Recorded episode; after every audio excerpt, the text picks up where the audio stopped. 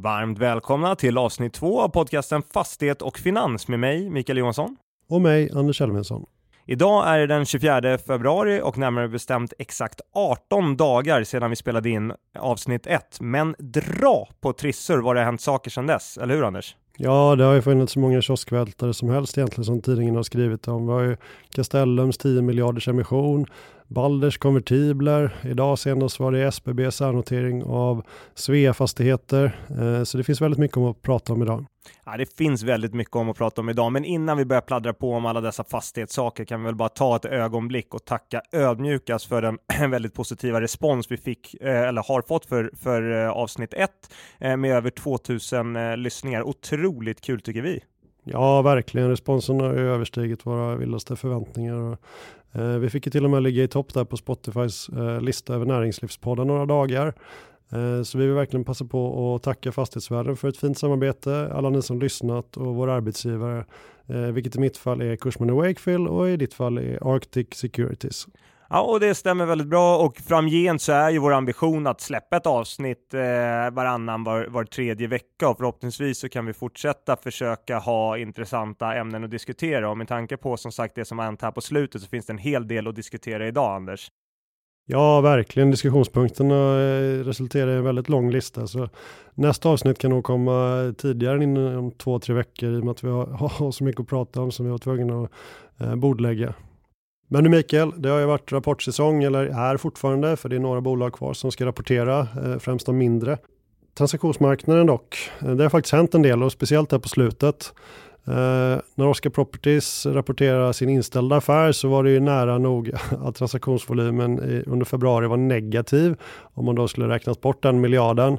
Eh, men sen dess har vi också haft ytterligare affärer eh, som varit på ett par hundra miljoner. Så totalt sett så har vi faktiskt eh, en, en transaktionsvolym att tala om i februari. Så det tänkte jag gå in och diskutera lite innan vi går in på bolagsspecifika händelser. Den första affären i februari som vi vill lyfta det är Folksams förvärv av en kontorsfastighet på Linnégatan på Östermalm. Det är ett läge som ligger strax utanför Eh, det som benämns som CBD, alltså Central Business District. Och här är det Zürich Insurance som säljer och som också är hyresgäst. Eh, köpeskillingen här motsvarar ungefär 137 000 per kvadratmeter och eh, glädjande nog kan jag meddela att det var Cushman Wakefield som var säljarens rådgivare i affären. Och hur ska man då säga att eh, 137 000 per kvadratmeter relaterar till eh, ehm, de priserna vi såg under förra året? Eh, jag skulle väl säga att man högst troligtvis hade fått lite bättre betalt för den här under våren, inledningen av 2022. Men då det är en väldigt fin fastighet, ett bra läge som är välskött och med en stabil och, och kreditvärdig hyresgäst så är det den här typen av objekt som eh, fortfarande är attraktiva bland det institutionella kapitalet. Eh, så den här typen av prime-objekt i en prime-delmarknad håller fortfarande uppe nivån ganska väl. Det är min analys i alla fall. Men du, man hör ju en del om det här uttrycket eh, trophy asset, så att pensionskapitalet vill köpa trophy asset. Skulle du kategorisera den här kontorsfastigheten som en trophy asset? Nej, det skulle jag nog inte göra. Men samtidigt i det här fallet är ju 137 000 per kvadratmeter. Vi talar ju om eh, affären med Vildmannen som ligger ett stenkast från Stureplan förra veckan eller förra avsnittet. Eh, och den gick ju för ungefär 212 000 per kvadratmeter. Och sen finns det ju fina stenhus som ligger ner mot Nybroviken eller på Biblioteksbyrg Jarlsgatan. Eh, som säkerligen är värderade och som skulle säljas för 250 000 per kvadratmeter. Eh, och det är väl den typen av fastigheter som snarare är då trophy assets. Utan det här är en bra fastighet för eh, ett institutionellt ägande bolag skulle jag säga. Och sen glädjande nog så hade vi ytterligare en utländsk köpare och i detta fallet var det Blackrock som köpte logistik från Slättö i Örebro eh, under uppförande där en av byggnaderna på fastigheten kommer att hyras av Budbee och den andra byggnaden är mer av en eh, generisk eh, vanlig logistikbyggnad helt enkelt som kommer hyras ut till hyresgäster. Här, här vill jag bryta in lite snabbt bara och ställa en fråga till dig. För att det här med logistikfastigheter tycker jag är lite intressant att fundera kring och skulle vilja höra hur, hur, du ser på saker och ting. För att så som jag har sett på det från sidan så känns det som att det har byggts väldigt mycket ny logistik, kanske framförallt under 2021-2022 så färdigställdes det ganska mycket och en hel del på, på spekulation. Och det är klart att e-handeln har drivit en hel del efterfrågan, men jag har, ska väl erkänna att jag var lite, lite orolig för om man får säga den gamla delen av beståndet när det gäller lager och logistik. Men jag, jag åt lunch här i förra veckan med en aktör som är i direktmarknaden och köper och säljer just logistikfastigheter och den personen hävdade att efterfrågan även på äldre logistikfastigheter, kanske i lite sämre lägen, är fortsatt väldigt god. Skulle du dela den bilden? Ja, men låt mig börja med att kommentera det tillkommande utbudet av logistikyta. Eh, min bedömning är väl att det kanske inte byggts jättemycket under de senaste åren utan att det är först nu 2023 och 2024 som det kommer ut väldigt stora volymer. Och en stor del av detta byggs ju faktiskt på spekulation. Så beroende lite på hur den här lågkonjunkturen eh, eh, sätter sig och, och, hur det påverkar liksom, konsumtionsmöjligheterna från befolkningen kopplat till sällanköpshandeln så tror jag ju att det kan sätta viss press på, på hyrorna som kommit upp ganska bra här på slutet Eh, och även resultera i vakanser då. Och återkopplat till att det inte byggt så mycket på de senaste åren. Eh, det tror jag kan ha, bidragit till att även efterfrågan på, på eh, lite äldre lager och logistikytor varit god och att vi ser ganska låga vakanser även i, i det segmentet. En annan affär som blev offentliggjord i början av februari eh, på Östermalm, där väl du bor om jag inte missminner mig Mikael. Stämmer bra. Ja, eh, det var ju att Zlatan och hans fru Helena köpte en grannfastighet, deras Östermalmsbostad, för 130 miljoner motsvarande drygt 120 per kvadratmeter. Och säljaren här då, det är fastighetsinvesteraren och advokaten Tino Götze som ägt den här fastigheten under ett, under ett antal år och nu säljer 55% över sitt förvärvspris. Eh, och du som är fotbollstokig Mikael och eh, djurgårdare, hur känns det att Zlatan lägger ytterligare Östermalmsmark under sina fötter? Inte bra.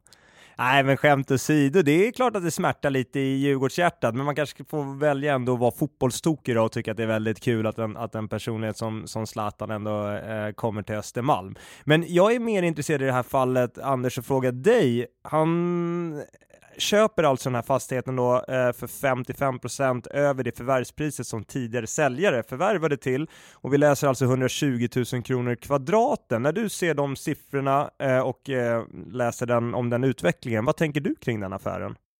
Nej, men jag är väl inte förvånad. Vi kan jämföra den här med den affär vi talade om i förra avsnittet där Lars Edman köpte en fastighet på Östermalm för 100 var det 100, dryga 170 000 per kvadratmeter i ett kanske lite bättre läge och med lite lokaler i botten som genererar lite mer kassaflöde. Eh, men 120 000 per kvadrat för bostäder på Östermalm, det tror jag långsiktigt ändå kan vara en ganska god investering. Sen kommunicerades en bostadsaffär som påminner mig om eh, svunna tider. En tid då bostadsfastigheter som låg mitt ute i ingenstans såldes för ett par tusen per kvadratmeter och detta var ju då baserat på låga hyror och höga kostnader och ett direktavkastningskrav på 6, 7, 8, 9 procent. Och den affär jag pratar om det är ju den där Lindström Property som sedan länge har ett stort bestånd i Skåne och definitivt inte är några duvungar premiärköper i småländska Lessebo. Och eh, det är alltså det allmännyttiga beståndet Lessebohus som säljer 540 lägenheter för 118 miljoner kronor. Och eh, detta motsvarar dryga 3000 kronor per kvadratmeter. Eh, bor du i en bostadsrätt eh, i Stockholm så eh, måste du sätta kaffet i, i vrångstrupen när du läste det här. Å andra sidan, det är eftersatt underhåll och du har en initial vakans på 12 procent. Men eh, beståndet ger ändå en initial direktavkastning på drygt 9 procent beroende lite på hur man räknar. Och här tycker jag att man som aktieägare i eh, ett par av de eh, noterade bolagen med ett stort andel bostäder då, på den här typen av orter ska lite, dra lite öronen åt sig. Eh, för dryga 3000 per kvadratmeter. Det är ju i princip ingenting jämfört med vad många har eh, värdena på sina fastigheter i böckerna till. Nej, det är betydligt högre som de noterade bolagen har de här fastigheterna bokförda till. Men jag hajar till lite på den här siffran 12% vakans den känns väldigt hög för bostäder, eller ska jag säga hyresrätter i Sverige. vad, vad, ser ni det ute i landet när det gäller vakansgrader i bostäder? Har det ökat upp här på slutet eller är det här också i, i, i ditt sätt att se på det en väldigt hög siffra? Nej, men vi hade ju eh, ett ökat tryck på bostäder i alla typer av lägen i Sverige efter den flyktingvåg vi, vi fick eh, 2015-2016 var det väl främst. Eh, men nu har vi haft en befolkningstillväxt som eh, legat på mer beskedliga nivåer under ganska många år. Och det gör väl att det blir en viss omflyttning eh, inom landet och att eh, befolkningen helt enkelt koncentreras i större utsträckning till Eh, de större städerna. Och då är det den här typen av orter som får stryka på foten. Samtidigt, alltså har du runt 9% initial direktavkastning så kan du lägga ett par procentenheter på underhåll och ett par, eh, någon procentenhet på att eh, förbättra attraktiviteten för just ditt bestånd genom att öka tryggheten eller andra typer av åtgärder. Eh, så du kan ju säkerligen locka en hel del eh, bostadshyresgäster från privata fastighetsägare och även från det kvarvarande kommunala bostadsbeståndet eh, för att få ner den eh, vakansen som idag är på 12 procent. Så jag tror det här kan visa sig vara en riktigt bra affär på sikt. Och sist men inte minst så måste vi ju nämna eh, det gamla Ulf Lundell-citatet att en inställd affär också är en affär. Eller? Det var väl ungefär så det var. Eh, och vad tänker jag på då? Jo, jag tänker såklart på Oscar Property som ställde in eh, köpet av fem lager logistikfastigheter från Blackstones Last Mile-ben Mileway. Och eh, i samband med förvärvet våren 2022 så uppgav man en yield på ungefär 6,2 procent, alltså direktavkastningen på beståndet vid förvärv. Um, och denna avbrutna affär är ett bra exempel på hur radikalt förutsättningarna ändrats under ett drygt år. För eh, under februari månad så låg den femåriga swapräntan på ungefär 2,5 procent och den har letats upp till ungefär 3,3-3,4 procent sedan dess. Alltså närmare 90 punkter. Och marginalen som eh, en köpare av den här typen av fastigheter får från banken den kan vara upp på 200-250 punkter vilket ger en totalkostnad på dina lånade pengar på någonstans 5,5 till, till 6 procent. Så det blir riktigt jobbigt att få igenom en köpkalkyl med de förutsättningarna. Och eh, Oscar Properties är ju här då villiga eller tvungna att eh, betala 50 miljoner för att dra sig ur affären. Och eh, när jag tittar på deras börsvärde senast så är de här 50 miljonerna ungefär 20% av dess börsvärde. Eh, så det är en ansenlig andel. Och Oskar själv kommenterar ju den inställda affären på följande sätt som jag tänkte vi kunde diskutera sen då. Givet räntemarknadens utveckling sedan avtalet tecknades hade intjäningen från portföljen gått från 35 miljoner till 20 miljoner, vilket är för lågt. Vår bedömning är även att det underliggande fastighetsvärdet som vi avtalade om vid tidpunkten för avtalet inte är detsamma. Så idag går det inte att fullfölja affären. Det är inte rätt väg för bolaget. Och nu är det jag igen som pratar. I samma veva entledigades två styrelseledamöterna. Som jag fråga till dig Mikael, eh, vi talade ju förra veckan, eller förra avsnittet, om eh, att Oskar kanske var den som hade högst blodtryck i branschen.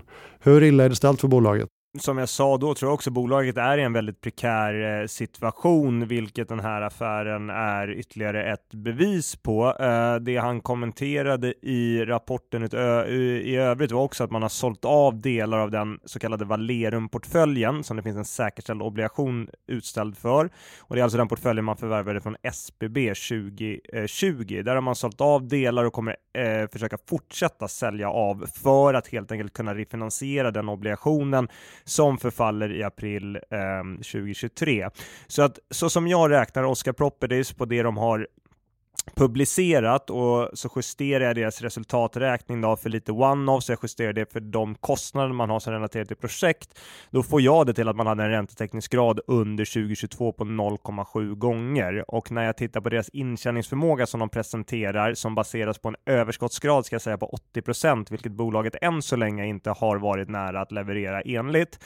Då pekar den på en räntetäckningsgrad runt 1,0 och det tar nog inte fullt i beaktning de ränteökningar som vi har sett här på slutet. Så att de är i en väldigt, väldigt tuff situation och jag tror att bolaget kommer behöva fortsätta försöka sälja tillgångar för att kunna amortera av sina skulder.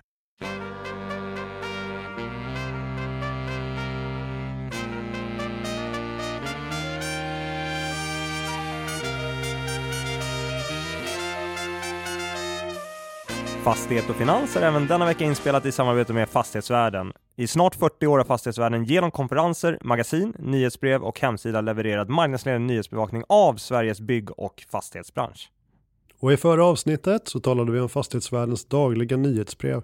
Och i detta avsnitt så skulle jag vilja lyfta upp magasinet Fastighetsvärlden som utkommer åtta gånger per år och innehåller djuplodande analyser och intressanta intervjuer. Och i varje utgåva så finns en gedigen ortsanalys och jag vet inte hur många gånger jag har vänt upp och ner på kontoret i jakt på ett speciellt magasin.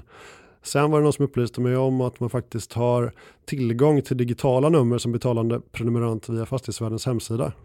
Ja, även jag har haft stor nytta av de här välskrivna ortsanalyserna. De börsnoterade bolagen jag följer har ju fastigheter i samtliga Sveriges regionstäder och det blir många städer att hålla koll på samtidigt. Men det underlättar såklart av fastighetsvärdens ortsanalyser. Och sen vill vi även passa på att nämna Fastighetsvärdens bostadsdag som arrangerades igår på Grand Hotel. Över 250 personer deltog och namnkunniga talare såsom nya riksbankschef Erik Thedéen deltog och stod på scenen. Ja, och med det sagt så kan vi ju varmt rekommendera er att ta del av de senaste nyheterna från fastighetsbranschen genom fastighetsvärdens olika kanaler.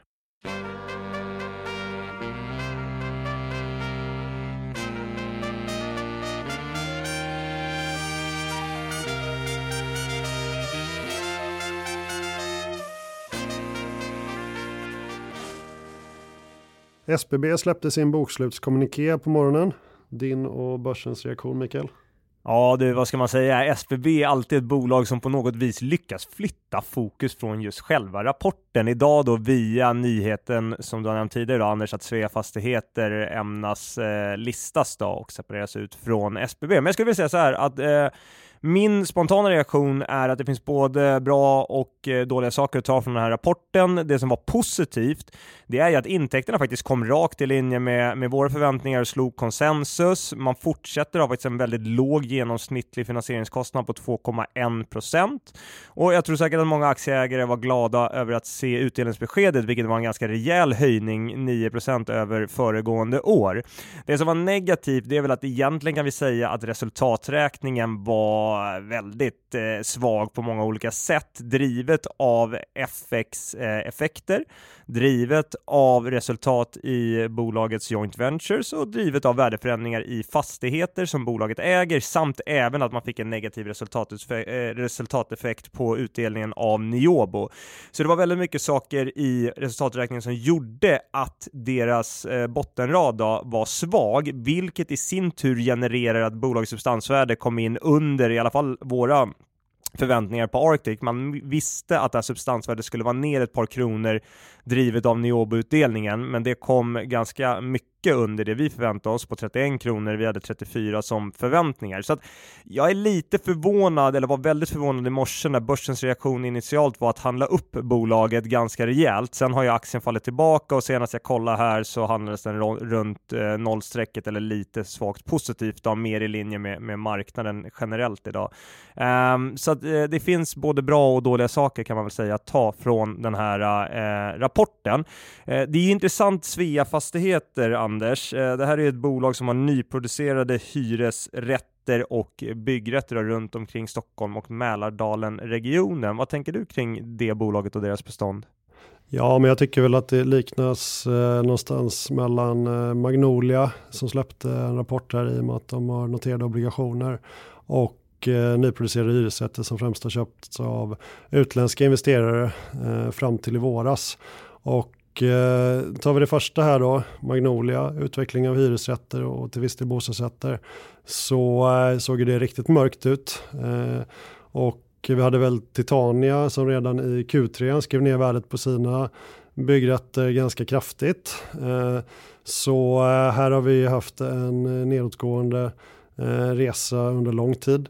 Och Eh, vad gäller de här nyproducerade hyresrätterna så har vi inte sett eh, någon försäljning egentligen frånsett eh, en mindre försäljning i Tyresö under hösten. Eh, så jag tror köpare och säljare står ganska långt ifrån varandra på direktmarknaden på den här typen av objekt.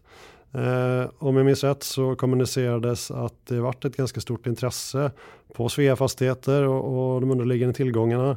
Men jag, jag, förstår inte riktigt varför man sätter det på, på börsen om man inte har skrivit ner värdena på byggrätterna och eh, förvaltningsfastigheterna kraftigt under det senaste året så är min gissning att även detta bolag, eh, och då jämför jag ju såklart med Nebo, kommer handlas till ganska kraftig rabatt.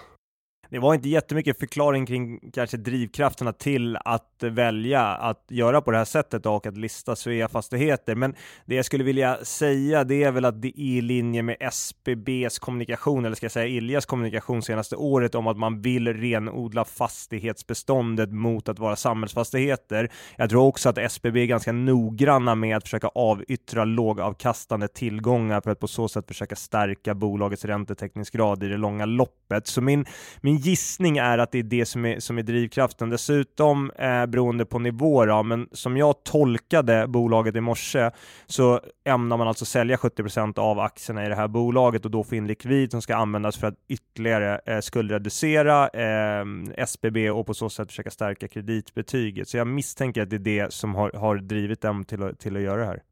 Ja, men samtidigt är det ju de fastigheterna som har haft de lägsta yielderna tidigare. Och då tänker jag på logistik i bästa läge och nyproducerade hyresrätter i Stockholm som varit drivna av det utländska kapitalet där man hela tiden varit villig att betala mer och mer och mer eh, för att få köpa. Eh, det är de som har gått på pumpen hårdast och det är där vi sett den största justeringen av direktavkastningskraven och därmed det största värdetappet. Eh, och det är ju precis den här typen av tillgångar Eh, så min, min, fråga här till dig det är varför säljer man 70% av aktierna och vem ska köpa de aktierna? Pass. Eh, jag vet inte, det finns inget jättebra svar på det. Det är ju baserat på det du säger också innan. Det har inte funnits speciellt mycket köpare av bostadsfastigheter och jag tror att hade det här varit 2021 så är det mest sannolika, eh, san, sannolika att både Neobo-portföljen och Svea Fastigheter hade sålts som eh, bostadsportföljer snarare än att man hade eh, separerat ut dem och listat dem. Så jag tror att det är en funktion av eh, att efterfrågan på den här typen av tillgångar idag inte är jättestark. Nej, jag kan bara skriva under på det. Nästa fråga, också någonting som sätter lite griller i huvudet på mig. Det är eh, MP3 de är ju faktiskt ett av få börsbolag som just nu handlas till premie och bolaget har för avsikt att höja utdelningen jämfört med 2022 och under 2023 därmed dela ut ungefär eh, knappt ja, 350 miljoner. Samtidigt tar de in drygt 630 miljoner i nyemission. Kan du förklara för mig hur det här hänger ihop? De tar alltså in pengar för att dela ut pengar. Ja men precis, men det här kan det finnas eh, lite olika drivkrafter bakom. Jag skulle säga att ett kan ju handla om ett signalvärde, att man vill ge eh, utdelning och att den ska öka över tiden så att du har det som signalvärde till aktiemarknaden och eh, kanske framförallt småsparare som tycker om den biten. Men man ska också vara medveten om att MPT i det här fallet gjorde en så kallad accelerated book building, alltså en eh, riktad eh, nyemission. Så det var inte företrädesemission där man gick ut och bad befintliga aktieägare om pengar, eh, utan man gick ut och gjorde det mot stora institutioner där även Sagax var, var med och deltog. Då. Eh, så att det är lite olika fickor av pengar som de här eh, strömmarna går mot och till kan man säga. Och när vi ändå talar om det här med substansrabatt och substanspremie så skulle jag vilja att du på ett pedagogiskt sätt eh, berättar för lyssnarna hur den rabatt eller premie räknas fram. För jag misstänker att det kan finnas några lyssnare där ute som tror att en substansrabatt på 70% är samma sak som att börsen anser att fastighetsbeståndets värde är 70% mindre än vad bolaget anger. Eh, men man måste väl också justera för bolagets skuldsättning, visst är det så? Ja, du, du har helt rätt i det här och nu ska jag försöka vara pedagogisk, inte alltid min starka sida kanske. Men i förenklade termer så är substansvärdet i ett fastighetsbolag det rapporterade egna kapitalet och den uppskjutna skatten rabatten. Så när man pratar om en rabatt eller premie eh, så tittar man alltså på aktiepriset jämfört med just rapporterat substansvärde per aktie. Så om vi då leker med tanken i förenklade termer, vilket stämmer väl överens med snittet i svensk fastighetsmarknad idag, att du har 50% belåningsgrad och så handlar ett bolag till 20% rabatt mot substansvärde, ja då betyder det att marknaden förväntar sig egentligen en 10 i nedgång i fastighetsvärde därför att den nedgången på fastighetsvärdet slår direkt på substansvärde medan då skulden som man använder här är egentligen kan man säga oförändrad.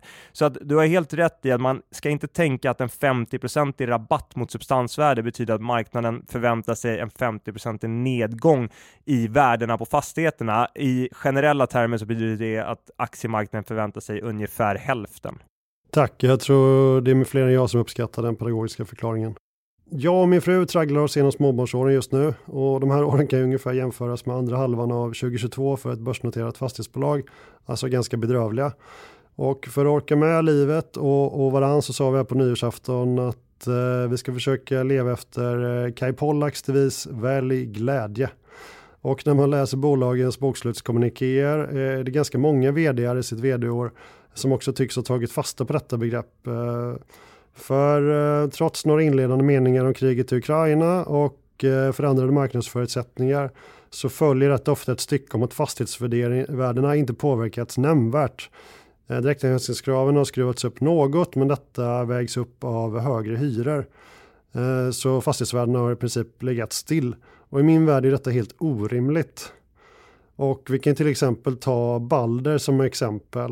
Eh, hur, liksom, hur ser villkoren på att man väljer att ligga still när vissa bolag justerar ner 5% Nej, men eh, analytikerkåren, investerarkollektivet och så vidare tycker naturligtvis också att det här med oförändrade värden är helt orimligt och det vitt vittnar ju börsens värdering av bolagen om, alltså att man litar inte på de värdena som bolagen presenterar. Även om Balder då bara skriver ner med 0,4% så kan man ju titta på den substansvärderabatten som Balder handlar till och då översätta det i vad marknaden egentligen tycker att värdet på deras tillgångar är idag.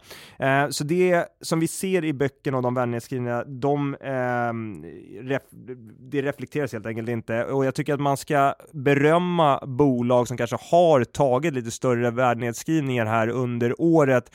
Um, att använda uttrycket dra plåstret är helt fel, men att faktiskt mer rättvist reflektera den underliggande utveckling som har varit i marknaden och som jag vet att du Anders har, har pratat om tidigare, vad, hur mycket som fastighetsvärdena kanske faktiskt egentligen är ner. För på börsen så är investerarnas uppgift, analytikernas uppgift att i slutändan värdesätta veta eh, vad tillgångarna är ett bolag är värt långsiktigt och just nu så är alla överens om att de värdena som presenteras är för höga mot det värde som man är beredd att betala för att äga aktierna. Så att nej, det är orimligt att det har varit så pass eh, låga värdenedskrivningar generellt som vi har sett. Då är vi i stort sett eniga där. Och när vi ändå är inne på Balder, bolaget meddelar att de kommer ge ut konvertibler för 500 miljoner euro. Hur fungerar detta instrument och och eh, vem kommer köpa de här värdepapperna?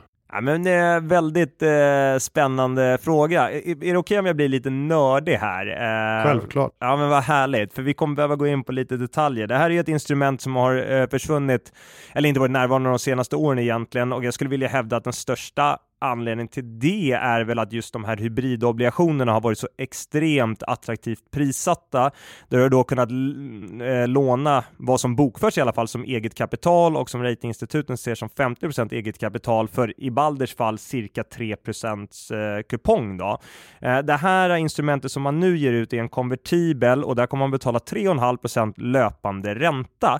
Det som jag behöver bli lite nördig om det är ju att det är ganska intressant hur det här är strukturerat för att så som man har gjort det så är det alltså inte en konvertibel som automatiskt kommer konverteras in till stamaktier utan det är en option som ligger med för den som köper det här instrumentet som då kan välja om man vill konvertera eller inte down the road. Och det som jag är förvånad över det beslutet, det är att ett ratinginstitut, så som jag tolkar det, kommer se det här som 100% skuld. Hade man lagt med en automatisk konvertering till stamaktiekapital i förlängningen så hade ett ratinginstitut gjort en annan bedömning. Så det här gör man inte för att stärka ratingbetyget ur den aspekten, utan jag tror att det som driver det här är att man just betalar 3,5% i löpande ränta. För att även om vi på sidan och analytikerkåren nu sitter och funderar, okej, okay, hur mycket är den här optionen värd som den som köper konvertibeln har, där man alltså kan välja om man vill konvertera eller inte, för att den har ju ett implicit värde. Men om vi bortser från den och tittar på rapporterade siffror så betyder det här att Balder får in 480 miljoner euro i egentligen pengar som man kan använda för att refinansiera som kommer kosta 3,50 i löpande ränta under de kommande fem åren jämfört med om man skulle exempelvis refinansiera det här i obligationsmarknaden så hade den kostnaden varit betydligt högre och då slagit på räntetäckningsgraden. Men sa bolaget någonting om vilken kurs eh, de här optionerna kommer att avropas på ett senare skede? Ja, det gjorde man. Eh, man tog det genomsnittliga volymviktade priset den dagen egentligen som den här intentionen annonserades. Eh, jag, jag, tror att det var 54 kronor om jag minns rätt på aktien och sen så är då konverteringskursen satt på en premie på 32,5 procent mot de 54 kronorna. Så vad nu det exakt blir eh, vågar jag inte svara på. Men nu dribblar du bort mig en premie. Det är alltså vi ska plussa på 32 procent på 54. Stämmer, precis. Eh, så lägg på 32 eh, mot 54 och så har du den konverteringskursen och det under fem år. Och det är därför ett ratinginstitut inte kan se det här som eget kapital. För att om vi då utgår från ett scenario där den här aktien inte handlar upp, alltså att Balder-aktien ligger under den konverteringskursen, ja då kommer de som har köpt det här instrumentet inte att välja att konvertera såklart, utan då kommer man bara välja att få tillbaka sina pengar om fem år och då blir det i, i grund och botten ett vanligt lån.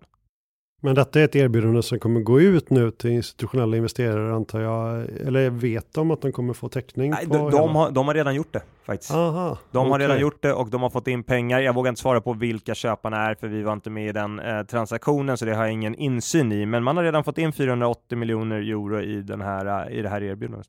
Ja, men det känns ju som en ganska sweet deal för Baller i mitt tycke. Ja, men det, är, det är en ganska intressant eh, lösning. Jag hade kanske bara valt att, att, göra en liten annan strukturering av det, men jag tror att det är en ganska, ett ganska bra sätt. Sen tror jag att ratinginstitut, om man nu ska ta den byn, de hade kanske hellre sett att man gjorde en nyemission, eller det är klart de hade gjort det och att det här var rent stamaktiekapital. Men för en aktieägare i Balder så tycker jag att det här var ganska, ganska kreativt gjort och behöver absolut inte vara ett dåligt sätt att få in kapital när det nu behövs och sen då få in stamaktiekapital eh, om ett par år där eh, när, när tiderna är lite bättre, så det blir på en högre värdering än vad du hade kunnat få in idag. Så det kan absolut vara en bra lösning. Men eh, 32 procent har du ungefär på 54 kronor. Det blev, borde väl vara runt 70 då. Eh, kan bolaget, det borde finnas utrymme för dem att köpa optioner eller liknande instrument för att försäkra sig om att inte tappa några pengar i ett senare skede om kursen ligger en bra bit över 70 kronor och eh, konvertibellägen avropar det där. Gör man så eller?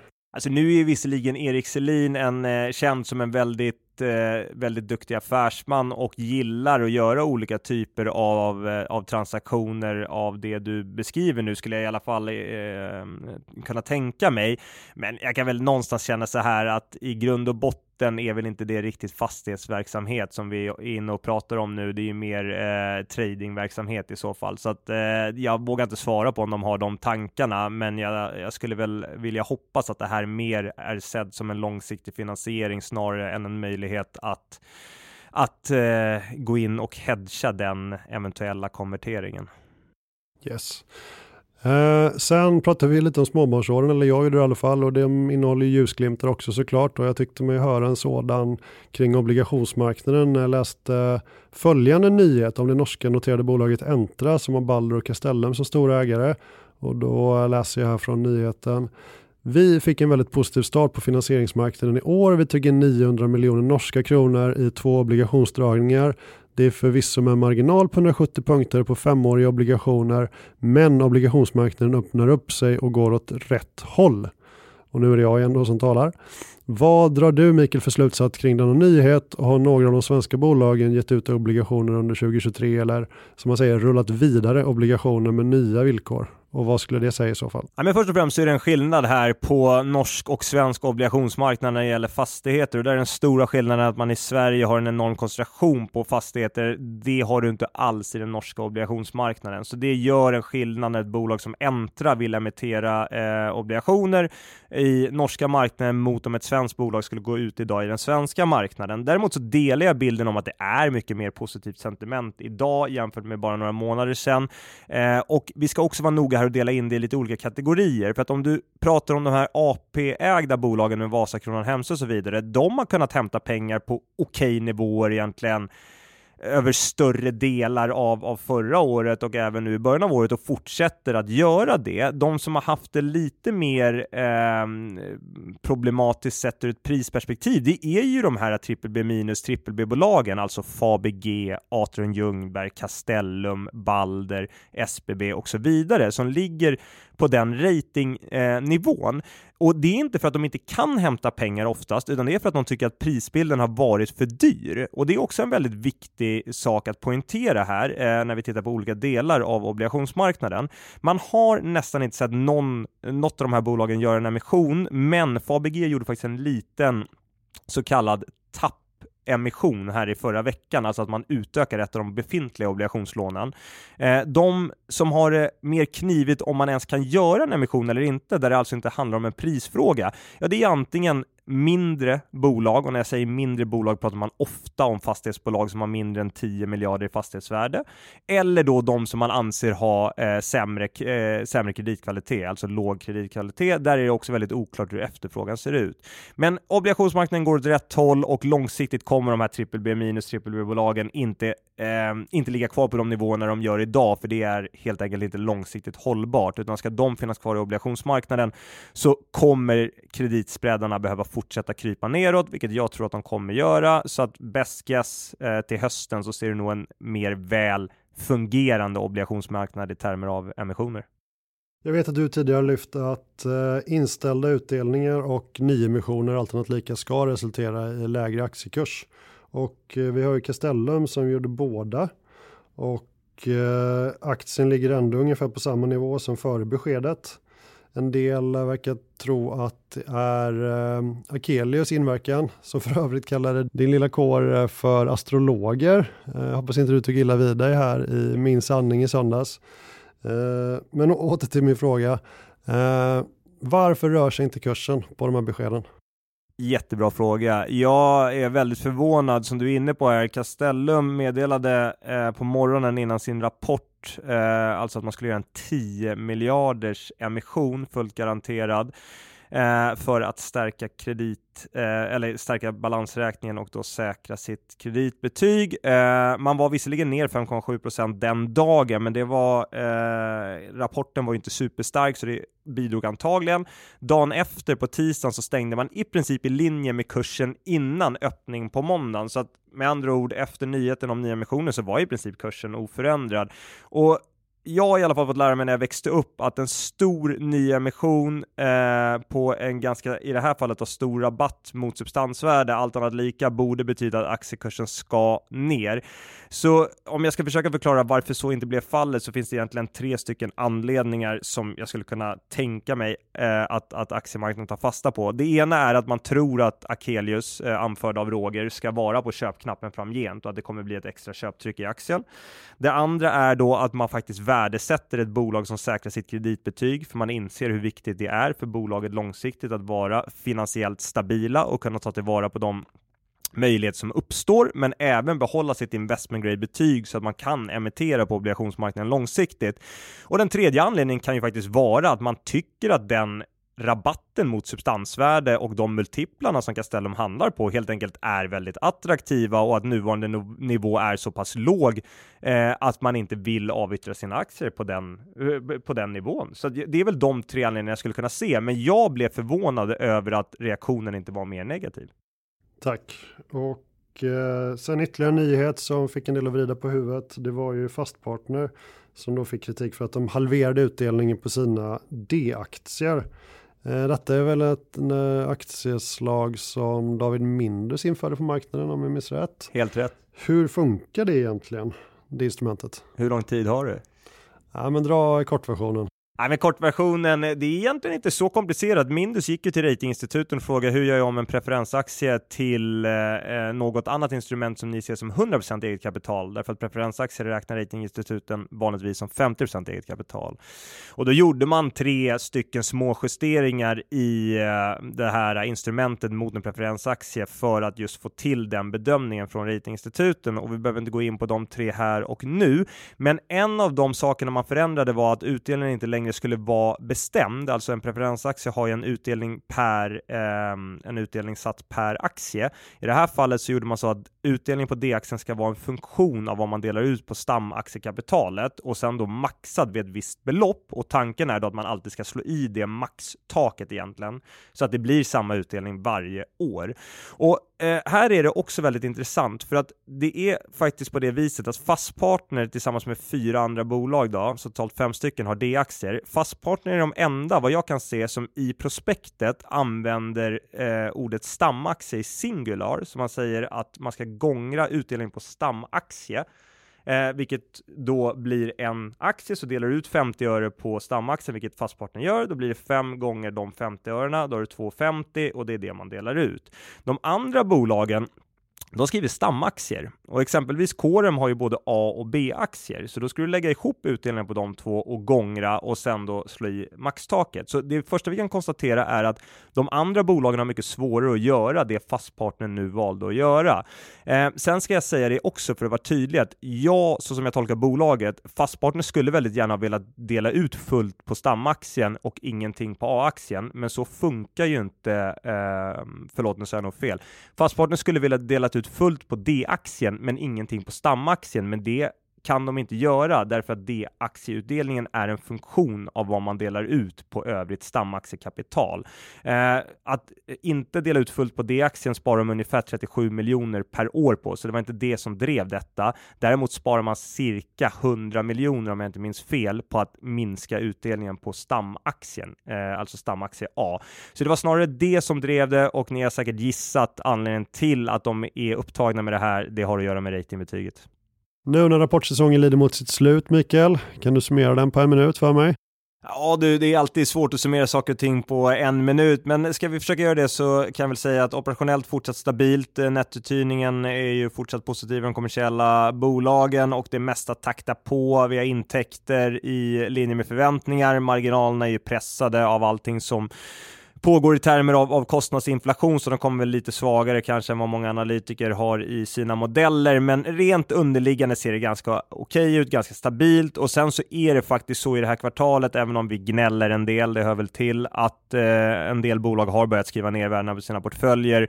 Eh, jag vet inte om jag nämnde det tidigare, men vi kan ta SBB som exempel. De höjde det genomsnittliga avkastningskravet idag i sina värderingar med 35 punkter, så det är ändå så att man har börjat justera, om än kanske att många av oss tycker att det borde justeras mer och vi förväntar oss det 2023.